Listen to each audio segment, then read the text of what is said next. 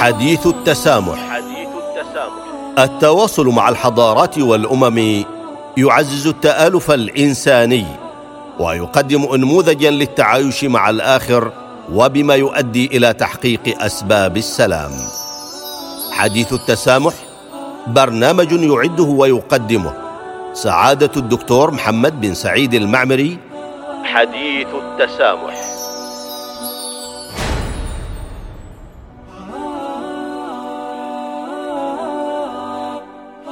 بسم الله الرحمن الرحيم الحمد لله رب العالمين والصلاه والسلام على رسول الله الامين وعلى اله واصحابه اجمعين ايها المستمعون والمستمعات جميعا في اذاعه الصمود السلام عليكم ورحمه الله تعالى وبركاته واهلا وسهلا بكم في هذه الحلقة الجديده من حديث التسامح وما يزال حديثنا يتحدث عن التجربه العمانيه في التالف والوئام والتعايش والتسامح بين مختلف الأطياف التي تعيش بينها. وكيف نظر العالم إلى هذه التجربة الحضارية؟ وما هي أسبابها؟ وكنا تحدثنا في الحلقة الماضية عن التقاء القيم الدينية بالخصوصية الجغرافية لعمان إذ تشكلت بذلك هوية عمانية جامعة تعتبر عمان تشكيلا سكانيا وسياسيا متمايزا عن محيطه وهو ما ساعدها في امتلاك هوية مبكرة وذات استقرار مما أسهم بشكل كبير في ابتعادها عن أحد أهم الأزمات المنتجة للإرهاب ألا وهي أزمة اضطراب هوية المجتمع. بالإضافة إلى ذلك ثمة نظام سياسي واع في عمان. عاشت الدولة العمانية حياة قائمة على العدل والشورى ولا أوضح على ذلك من قصة وصول عمرو بن العاص برسالة النبي محمد صلى الله عليه وسلم إلى أهل عمان يدعوهم فيها إلى الإسلام.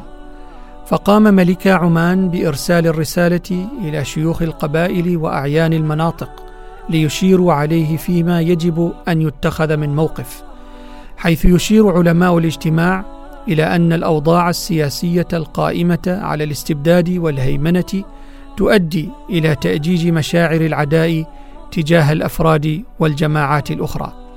بينما ترتبط العدالة الاجتماعية بقيم التسامح والتعددية والانسجام والوئام. ولأن عمان قبل الإسلام كما أسلفنا عاشت عهدا مستقرا قائما على العدل والشورى فإنها لم تعرف الاضطهاد العرقي ولا الديني ولا الطائفي بل قام المجتمع العماني منذ ما قبل الإسلام على تلك الأسس والقيم الإنسانية المشتركة.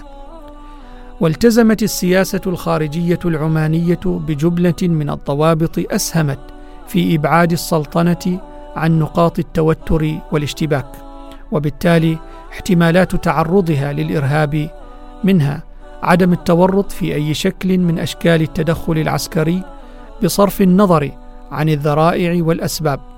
فسلطنة عمان لم تشارك في أي عملية عسكرية خارج حدودها بالإضافة إلى الابتعاد عن الاستقطاب إذ تحرص السياسة العمانية على عدم الانحياز لطرف ما في بؤر الصراع الداخلية بما جعل السلطنة قادرة على القيام بدور الوساطة في العديد من القضايا الإقليمية والعالمية.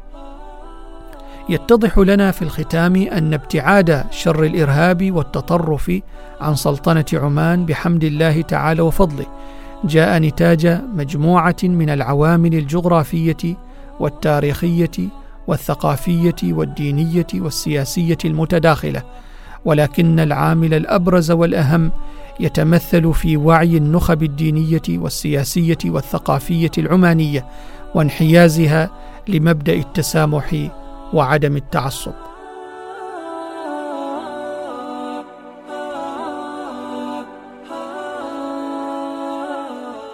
ومن أجل ذلك فإن عمان تحافظ على مكانتها العالمية كدولة سلام وواحة أمان وأرض التعايش والوئام. فعمان هي الأولى عالميا في مؤشر السلام العالمي وهي الأولى عالميا في الخلو من التطرف والإرهاب. وهي الأولى عربيا في خلوها من الإرهاب. هذه ليست جهودا بسيطة. كيف وصلت عمان لتكون الأولى عالميا في مؤشر السلام العالمي في إقليم ملتهب؟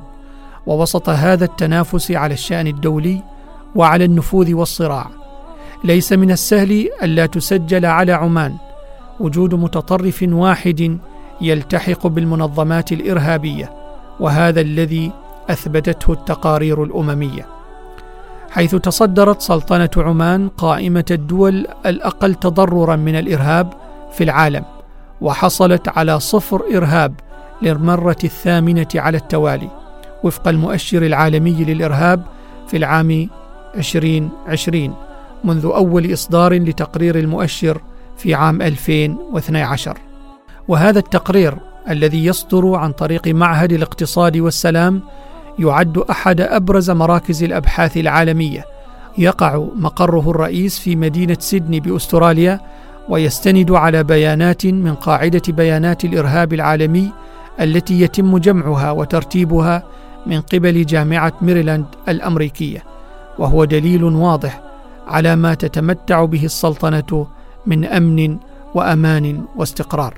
ويعتمد تقرير المؤشر السنوي هذا على أربع مؤشرات رئيسية هي العدد الإجمالي للحوادث الإرهابية في سنة معينة ومجموع الوفيات الناجمة عن العمليات الإرهابية ومجموع عدد الإصابات الناجمة عن العمليات الإرهابية والأضرار المادية التي خلفتها الحوادث الإرهابية. كما أشاد تقرير صادر عن الخارجية الأمريكية بتجربة السلطنة في مجال الحريات الدينية مؤكدا هذا التقرير أن السلطنة ما زالت تحافظ على مكانتها الرفيعة في الحريات الدينية من خلال التعايش والتسامح الديني والحوار في المجتمع العماني. وذلك من خلال ما تبذله من جهود واضحة وجلية على المستويين المحلي والعالمي في نشر قيم التفاهم والتسامح الديني بين جميع الأديان والشعوب عبر برامج متنوعة تهدف إلى توسيع الحوار وتشجيع النقاش المحترم بين الأديان جميعا. حديث التسامح. حديث التسامح. التواصل مع الحضارات والأمم يعزز التآلف الإنساني ويقدم انموذجا للتعايش مع الآخر وبما يؤدي إلى تحقيق أسباب السلام. حديث التسامح برنامج يعده ويقدمه. سعادة الدكتور محمد بن سعيد المعمري. حديث التسامح.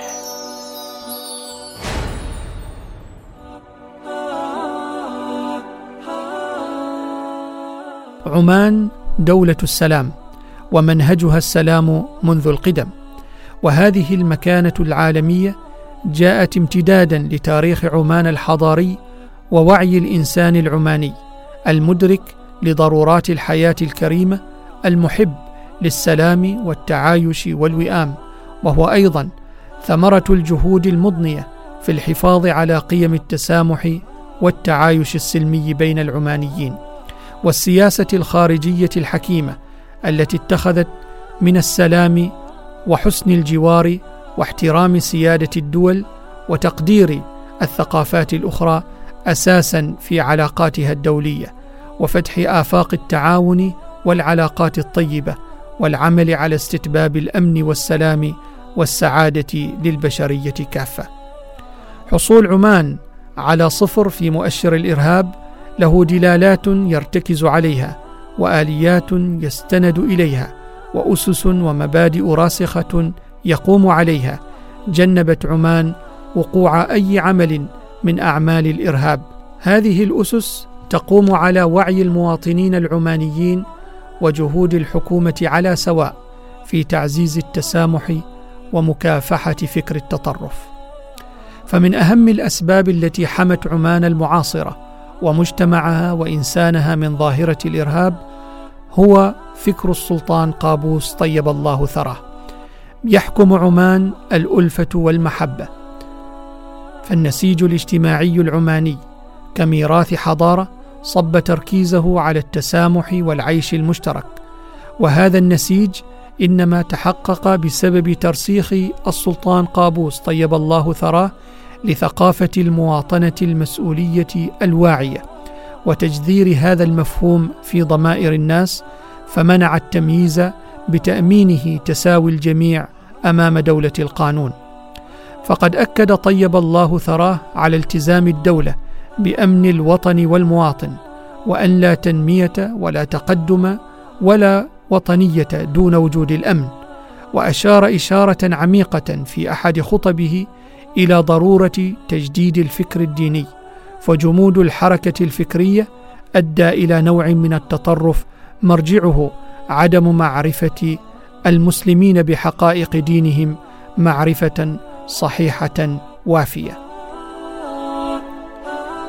واستمرارا لهذا النهج فقد جاء خطاب جلالة السلطان هيثم بن طارق المعظم حفظه الله ورعاه التاريخي ليرسخ هذا المبدأ ويؤكد حرص السلطنة على استمرار نهجها في نشر السلام الدولي باعتبارها رسالة وهدفا ساميا تسعى عمان إلى تحقيقه.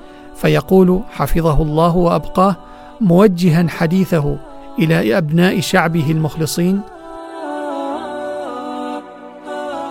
لقد عرف العالم عمان عبر تاريخها العريق والمشرف كيانا حضاريا فاعلا ومؤثرا في نماء المنطقة وازدهارها واستتباب الأمن والسلام فيها تتناوب الأجيال على إعلاء رايتها وتحرص على أن تظل رسالة عمان للسلام تجوب العالم حاملة إرثا عظيما ورايات سامية تبني ولا تهدم تقرب ولا تبعد وهذا ما سنحرص على استمراره معكم وبكم.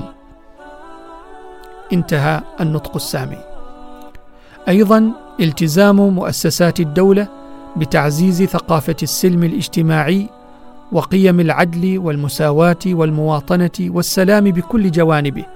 السلام مع الذات والسلام مع الآخر المختلف والسلام داخل الأسرة والعمل على تعميق المواطنة والوحدة الوطنية ودعم الاندماج والانصهار الوطني ومشاركة الجميع في بناء الوطن. ذلك كله أدى إلى القضاء على أحد أهم أسباب ظهور الإرهاب إذ عملت الحكومة على ترسيخ هذه القيم في جوانب ثلاثة هي الجانب القانوني والتعليمي والإعلامي بما يكسب تلك القيم الإنسانية ديمومة وعمقا على صعيد العلاقات الفردية والإنسانية. فمن الجانب القانوني تضمنت نصوص القوانين العمانية وعلى رأسها النظام الأساسي للدولة الذي يضع من أهم أولوياته استقرار المجتمع والحفاظ على تماسكه وانسجام أفراده كما يتضمن في مواده محددات رئيسية في العيش المشترك واحترام الحقوق وتأمين الحريات. فقد ورد في المادة الخامسة عشر من النظام الأساسي للدولة التعاضد والتراحم صلة وثقى بين المواطنين وتعزيز الوحدة الوطنية واجب وتمنع الدولة كل ما يؤدي للفرقة أو الفتنة أو المساس بالوحدة الوطنية. فالقانون في عمان يمنع الإساءة للمذاهب أو الديانات الأخرى ولا يؤذن للانحياز المذهبي بأي صورة كانت. لذلك يتم القضاء فورا على أي تطرف. فالفعاليات المتشددة والخطاب المتشدد هي ممارسات غير مرغوب فيها في عمان ولا تلقى آذانا صاغية لأن الغلو يولد العنف والعنف يولد الإرهاب والغلو كذلك. نقف عند هذا الحد ونلقاكم بإذن الله لتكملة جوانب هذا الموضوع. فحتى ذلك الحين وحديث التسامح نلقاكم على خير والسلام عليكم ورحمة الله تعالى وبركاته. حديث التسامح. حديث التسامح التواصل مع الحضارات والأمم يعزز التآلف الإنساني ويقدم انموذجا للتعايش مع الآخر وبما يؤدي إلى تحقيق أسباب السلام. حديث التسامح برنامج يعده ويقدمه سعادة الدكتور محمد بن سعيد المعمري. حديث التسامح.